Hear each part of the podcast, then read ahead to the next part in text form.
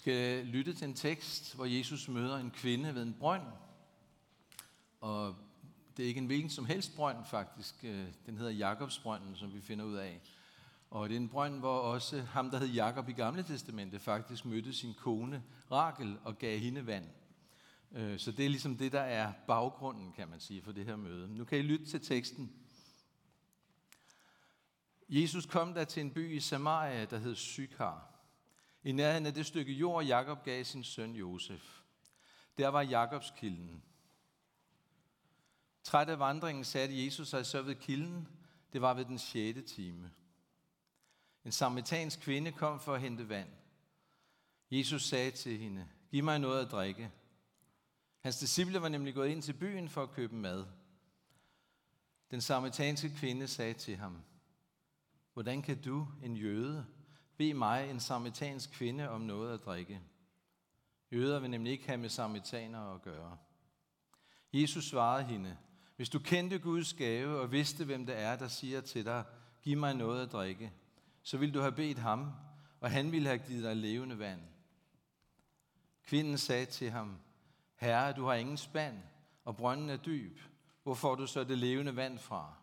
Du er vel ikke større end vores far Jakob, som gav os brønden, og selv drak af den, ligesom hans sønner og hans kvæg. Jesus svarede hende, en hver, som drikker af det vand, skal tørste igen. Men den, der drikker af det vand, jeg vil give ham, skal aldrig i evighed tørste. Det vand, jeg vil give ham, skal i ham blive en kilde, som vælger med vand til evigt liv. Kvinden sagde til ham, Herre, giv mig det vand, så jeg ikke skal tørste og gå herud og hente vand. Han sagde til hende, Gå hen og kald på din mand og kom herud. Kvinden svarede, Jeg har ingen mand. Jesus sagde til hende, Du har ret, når du siger, Jeg har ingen mand, for du har haft fem mænd, og den du nu har er ikke din mand. Der sagde du noget sandt. Kvinden sagde til ham, Herre, jeg ser, at du er en profet. Vores fædre har tilbedt Gud på dette bjerg, men I siger, at stedet, hvor man skal tilbe ham, er i Jerusalem. Jesus sagde til hende, Tro mig, kvinde, der kommer en time, da det hverken er på dette bjerg eller i Jerusalem, I skal tilbe faderen. I tilbeder det, I ikke kender. Vi tilbeder det, vi kender, for frelsen udgår fra jøderne. Men der kommer en time, ja den er nu, da de sande tilbedere skal tilbede faderen i ånd og sandhed. For det er sådanne tilbedere, faderen vil have. Gud er ånd, og de, som tilbeder ham, skal tilbe i ånd og sandhed. Kvinden sagde til ham, jeg ved, at Messias skal komme, det vil sige Kristus. Når han kommer, vil han fortælle os alt. Jesus sagde til ham, det er mig, den der taler til dig. Vi er i den tid øh, i kirkeåret, som er Hellig Tre Kongers tiden, som også kaldes Epifani-tiden. Og epifani betyder åbenbaring. Det er åbenbaringens tid. Og øh, de tekster, som ned gennem århundrederne er blevet læst i de her, på de her søndage øh, og prædiket over, de handler om, hvordan Jesus åbenbarer, hvem han er. Det her lille barn, der blev født i krybben julenat, hvem er han egentlig? Det er det, som bliver åbenbaret i de her uger i kirkeårstekster.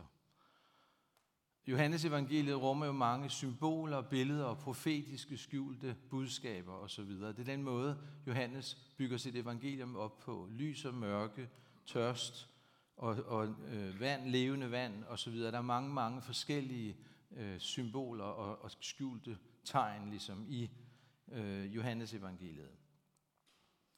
I kapitlet, som kommer lige før det, vi har hørt her, der møder, øh, mødes Nikodemus og Jesus. Øh, den her jødiske lovlærer, samfundsstøtte Nikodemus, som kommer til Jesus i ly af natten, for ikke at blive set. Og her i kapitel 4, lige efter, møder vi så, møder Jesus så en samaritansk kvinde, og det sker i fuldt dagslys, øh, der hvor solen står højest på himlen. Og det er ikke bare en tidsangivelse, men det er for at sige, nu åbenbares det. Nu er det tid for, at lyset falder ind over, hvem Jesus er og, og hvordan det hele hænger sammen. Nu kommer tingene frem i lyset. Og det Jesus viser os, det er, at han er den, som viser os, at Guds rige ikke bare, og slet ikke først og fremmest, er for øh, Nikodemuserne, dem der færdes hjemmevandt i Jerusalems tempel. Men den første, som Jesus direkte åbenbarer sig for og siger, det er mig, jeg er Kristus. Det er den samaritanske kvinde. Det er ikke en jøde. Det er ikke en mand. Det er ikke en præst eller religiøs leder. Det er ikke en from eller retskaffen person. Men den fremmede kvinde, som efter alle religiøse og moralske normer er forkert og falder udenfor, det er ham, det er hende, at Jesus åbenbarer sig for som den første og siger lige ud, hvem han er. Og egentlig er det jo ikke så overraskende, fordi allerede da Jesus blev født julenat, så ser vi, at dem, der allerførst drages til ham, det er nogle stjernedyrkere fra Østen, meget langt fra jøderne. Og det er nogle fattige hyrder på Bethlehems marker, dem, der var allerlavest i social status, men som får lov at høre englene synge om, at der er født en frelser. Der er nogle arkeologiske udgravninger, hvor man har fundet et skilt fra templet fra dengang. Og der står der på, hedninger, kvinder og hunde, ingen adgang. Og det udtrykker meget godt, hvordan at tilgangen var til de her ting med Gud i, i tiden. Det var en udbredt forståelse af en mand, og specielt da en jødisk lærer, som Jesus jo var, ikke kunne tale med en kvinde, og slet ikke i hvert fald om Gud og åndelige ting. Og rent faktisk var der nogle af de rabbinske lærere, som sagde, at det var bedre, at skrifterne blev brændt, end at de faldt i en kvindes hænder. Det var sådan rimelig hardcore, kan man sige. Øhm. Og her er så Jesus, der ikke bare taler med en kvinde om Gud og livets mening, men faktisk tager initiativet til samtalen. Og ikke nok med det, for Johannes fortæller også som indledning, at, at jøderne ikke ville have med samaritanerne at gøre. At der var ligesom en slags apartheid. At samaritanerne var ikke rigtig gode nok i deres gudstyrkelse. De blev set ned på jøderne. Og jøderne, som der også står, prøvede at undgå at rejse igennem Samaria af samme grund. Og igen kan vi jo tænke på, at det ikke er en tilfældighed, at den lignelse, vi kender om den barmhjertige samaritaner, netop handler helten i historien er samaritaneren. Men både det her diskriminerende kvindesyn og apartheid-temaet kommer jo tydeligt frem i kvindens overraskede øh, sætning, hvor hun siger, hvordan kan du, en jøde, bede mig, en samaritansk kvinde, om noget at drikke? Men det gør han altså. Og hvis ikke det, at hun er kvinde og samaritaner, er nok til, at hun skulle føle sig mindreværdig og forkastet, så er der også noget andet, finder vi ud af, som er teksten eller beretningen skrider frem. Og det er det, at hun har haft fem mænd, og nu lever hun sammen med den sjette uden at være gift. Og måske er det en af de væsentligste grunde til, at hun er gået ud til brønden her på det allervarmeste tidspunkt, hvor man ikke plejer at gå derud. Og netop derfor, fordi der nok ikke er så stor chance for at møde andre derude på det tidspunkt. For de kender jo hendes liv, og uden tvivl foragter de hende for det. Og så er hun gået derud i håb om ikke at møde nogen, og så møder hun altså den her mand, og det forandrer hendes liv fuldstændig. Og han indleder samtalen med at bede om noget at drikke. Og meget hurtigt leder han samtalen over på, kan vi sige, den åndelige tørst, som kvinden har. En hver, der drikker af det her vand, skal tørste igen. Men den, der drikker af det vand, jeg vil give hende, skal aldrig i evighed tørste. Det vand, jeg vil give hende, skal i hende blive en kilde, som vælger med vand til evigt liv. Så han ser, at kvinden har en dyb tørst i sit liv. Hun har søgt efter bekræftelse som kvinde, som menneske i mænds kærlighed. Og den her restløse søgen har ført hende fra den ene favn til den anden. Men det er som om, at for hvert nyt forhold, så vokser den her tørst bare inde i hende, i stedet for at blive stillet. Og ind i en af de allerførste øh, historier, vi hører om i Bibelen, om Adam og Eva og faldet, der handler det jo om det, at mennesket falder ud af det at have sin naturlige væren, sin naturlige identitet. i Guds kærlighed. Og en konsekvens af det er, at vi ofte søger vores identitet på det skabte plan. I andre mennesker, i deres bekræftelse af os, i ting, vi kan eje, i ting, vi kan udrette osv. Hvem er jeg? Elsk mig, fortæl mig, hvem jeg er. At vi kigger rundt måske og ser, om vi kan finde accept, bekræftelse, kærlighed i andres øjne. Og det er klart, at det har vi brug for. Det er jo indlysende, at vi har brug for bekræftelse, accept på det menneskelige plan. Men det er kun i Gud, at vi finder vores dybeste hvile, vores egentlige og sande jeg, vores identitet som Guds elskede børn, uafhængigt af, hvordan at andre ser på os, eller hvad der sker i vores liv. Det er kun hos ham, at vores dybeste tørst i egentlig forstand bliver stillet. Og Jesus taler profetisk til kvinden og bringer de her skjulte ting frem i hendes liv, frem i lyset. Du har haft fem mænd, og ham du nu har, er ikke din mand. Prøv at forestille dig et øjeblik, at du er i kvindens sko. Du har mødt, lige mødt en fuldstændig fremmed person. Og så begynder den her person at ligesom tale om noget, der, som han ingen som helst naturlig viden kan have om, og ligesom piller nogle ting frem, som virkelig smertefuldt og skamfuldt i dit liv. Jeg ved ikke, hvad du vil føle eller tænke, men det, som slår mig, når man læser beretningen, det er, at der ikke er nogen tegn på, at kvinden føler sig fordømt over Jesu ord til hende. Den måde, han har sagt det på, den udstråling, han har haft, har ikke kommunikeret fordømmelse. Men hans ord er en konstatering, en blotlæggelse af, at det, som holder hende fanget i en fælde, det kan hun blive fri af. Hans ord rummer Guds længsel efter at sætte hende fri. En smerte over, at hendes liv har formet sig helt anderledes, end hendes himmelske far havde ønsket og tænkt. Jesus viser hende synden, de skjulte mønstre i hendes liv, for at sætte hende i frihed. Det er ikke fordømmende ord, men det er ord, som åbner friheden på vidgab, døren ud af det her fangenskab. Og det er jo det, som vi kan erfare hos Gud, at når at Gud eller Helligånden eller Jesus lader sit lys skinne ind over de mørke, over de skjulte steder i os, så er det ikke et dømmende, koldt lys, der afslører os og klæder os af, så vi står frysende tilbage. Men hans lys og sandhed er altid forbundet med nåden og genoprettelsen. Så Jesus ser ind i kvindens hjerte. Han ser den her længsel efter kærlighed, efter en kærlig Gud, efter en kærlig far. Så man var psykolog, ville man måske øh, analysere og sige, det kunne jo tænkes, at den her søgen fra den ene mand til den anden har noget at gøre med en manglende nærværende far. Det kan vi jo sige mange ting om, men det er jo et fuldstændig ligegyldigt, hvad årsagerne er. I hvert fald at det, Jesus gør og viser hende hen til, at der er en, der efterstræber hende med sin kærlighed. At der er en, der søger tilbedere. Faderen søger tilbedere. Hun har prøvet at stille sin tørst ved brønde, der ikke giver liv. Hun må reorientere sit liv. Hun må se et nyt sted hen. Hun må holde op med at bøje sig mod skabningen. Hun må holde op med at søge sin bekræftelse og sit værd på det vandrette plan.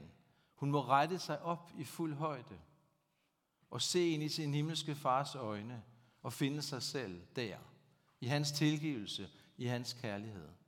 Faderen søger tilbedere, siger Jesus til hende. Det er ligesom om han siger, du søger kærlighed og mening, så løft dit hoved og se. Det er ikke kun dig, der søger. Gud selv søger. Faderen søger mennesker, der vil tage imod hans kærlighed og gengælde den. Han længes efter nogen, som vil åbne deres liv for hans nærvær og fællesskab og stille deres tørst i hans ånds levende vand. Faderen søger tilbedere, der vil tilbe i ånd og sandhed. Lad din søgen og faderens søgen mødes. Du behøver ikke søge mere. Gud er her og kommer til dig. Om en måneds tid er det jo fastetid. Og det er jo en invitation til at søge ind til Gud. Til at ligesom skrælle alt det, der måske kan tage vores udsyn og vores perspektiv og aflede os. At skrælle det væk, eller i hvert fald noget af det, med det formål at søge ind til Gud. Søge ind til den her kilde. Det er også en mulighed for at, at øh, overveje, om der er nogle steder i vores liv, hvor vi drikker af brønde, som ikke giver liv. Og så i stedet for at drikke af Guds levende kilde. Og vi vil gerne i år, som I måske har set på de her sædler, der er, ligger rundt omkring, inviterer til den her fælles vandring i fasten, hvor vi går sammen, hvor vi har nogle fælles rytmer og praksiser. Det kan I kigge nærmere på. Det vi gerne vil give fokus til er at lytte til Gud og lade os fylde af Helligåndens levende vand. Det kan I kigge mere på, og forhåbentlig, hvis I har lyst, være med til.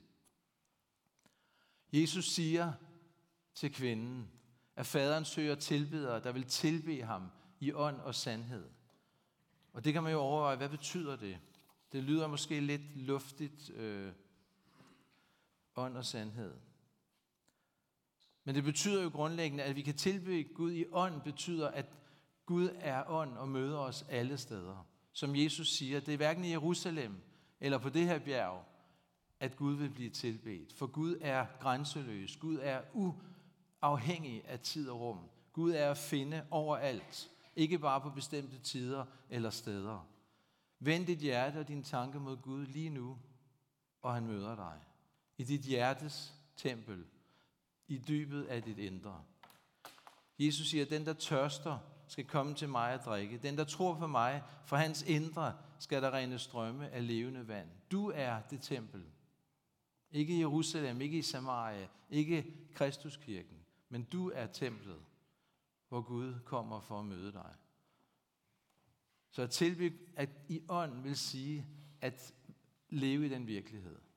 At tilbe Gud i sandhed er jo at tilbe uden masker, at komme uden øh, at vi forstiller os som dem vi er. At Gud møder os lige præcis der, og ikke nogen som helst andre steder. Ånden er sandhedens ånd, og kan ikke møde os der, hvor vi ikke er os selv. Hvor vi prøver at stille os an, uanset om det er på en religiøs måde, eller det er ved at skjule nogle af de ting, der i virkeligheden er en del af os og vores historie. Og det er først, når vi er i sandhed, tilbærer i sandhed, som dem vi er, med al vores skrøbelighed, at vi kan få lov at være i det møde fuldt ud og erfare den frihed fuldt ud, det er at være i Guds nådes lys. At vi hører hjemme hos ham. Ikke når vi er nået hen til et eller andet sted, hvor vi synes, at det går an, men lige nu, med alt det vi er, med alt det vi bærer med os. Det er kun i lyset, når vi ikke længere skjuler os, at vi erfarer den nåde og den frihed. Og det er det, som den samaritanske kvinde oplever. Hun erfarer den her utrolige kraft og frihed i Guds lys, da hun møder Jesus ved brønden. Og hendes samtale med Jesus slutter med, at Jesus åbenbarer sig for hende som Messias, som den allerførste overhovedet i historien. Hun siger til Jesus, jeg ved, at Messias skal komme, og Jesus siger, det er mig, den, der taler med dig. Og i det stykke, vi ikke læste, det er jo en lang tekst, så sker der det, at hun så går ind tilbage til byen og lader sin vandkrukke stå, skriver Johannes. Og det er jo et, et udråbstegn, ligesom, der siger, det hun kom for at stille sin fysiske tørst, sine fysiske behov, det er trådt fuldstændig i baggrunden. For der er noget andet, der er sket. Det har rørt noget langt dybere i hende. Da hun går ind til byen, så begynder hun at fortælle folk om, hvad der er sket. Og det er jo tankevækkende og fantastisk, det hun siger. For det hun siger, kom og mød en mand, som har sagt mig alt, hvad jeg har gjort. Jeg har haft fem mænd, og ham jeg har nu er ikke min mand. Det har han fortalt mig. Er det ikke fantastisk? Det er jo fuldstændig mærkeligt. Og det viser jo, hvordan hun er blevet sat fri. Det er det, der er hendes vidnesbyrd. Det er det, hun fortæller. Alt det, der lå skjult, alt det, der var hendes forkastelse, alt det, som gjorde, at hun gik derud alene for at undgå mennesker. Alt det udbasunerer hun nu til hele byen. Kom og se en mand, der har fortalt mig alt, hvad jeg har gjort. Det er den frihed, som Gud inviterer os ind i. Og det er den frihed, vi alle sammen lige nu kan få lov at erfare.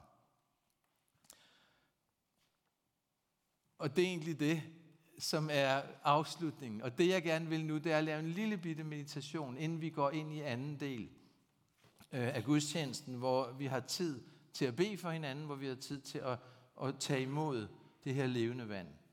Måske genkender du fra den samaritanske kvindes liv det her, at du kan føle dig bøjet mod andre. At du nogle gange prøver at drikke af brønde, som ikke giver liv. At du prøver at få stillet en længsel hos et andet menneske. En usund følelsesmæssig afhængighed. Måske føler du nogle gange et tomrum indeni, som du prøver, som der er ligesom et råb indeni, som for at det må blive fyldt. Så prøv at komme til Gud og bede ham om at fylde det. Eller måske går du med noget, du har gemt langt, langt væk i et rum, som ingen må se eller høre om. Så er der mulighed for, at du kan lade det komme frem i lyset, fortælle Gud om det og opleve friheden i det. Du kan gøre det lige der, hvor du sidder, eller du kan gå ned bag og dele det med en og bede om forbøn. Det kan også være, at du bare vil have bøn uden at skulle dele det højt. Det er helt op til dig selv. Men det er den her fantastiske mulighed, vi har for at bede for hinanden. Så brug den. Det kan også være, at du vil have bøn for noget helt andet. Bøn om helbredelse, heling. Bliv fyldt helt op af det her levende vand. Så grib chancen og gå til forbøn. Og lad os bede for hinanden. Så nu vil vi gå ind i en lille kort meditation. Så læg det, du har i hænderne. Sæt dig godt til rette. Luk øjnene. Og tag et par dybe vejrtrækninger. Gud er her. Er du? Prøv at blive nærværende. Sænk skuldrene. Sam din opmærksomhed i dit hjerte. Og prøv nu at se med dit hjertes øjne, at Jesus er foran dig, ligesom han var sammen med kvinden ved brønden. Jesus holder en vandkrukke i sine hænder. Den er fuld af levende vand. Og nu siger han til dig, hvis du drikker af det her vand, som jeg vil give dig, så skal du aldrig i evighed tørste. Det vand, jeg giver dig, skal i dig blive en kilde, som vælger med vand til evigt liv. Så nu kan du drikke dybt af det levende vand. Store slurke af liv. Lad åndens nærvær fylde dig og nå ud i alle dele af dig. Din krop, din sjæl, din ånd. Og sid bare her og drik og tag imod, lige så længe du har brug for det. Gør det i dit eget tempo.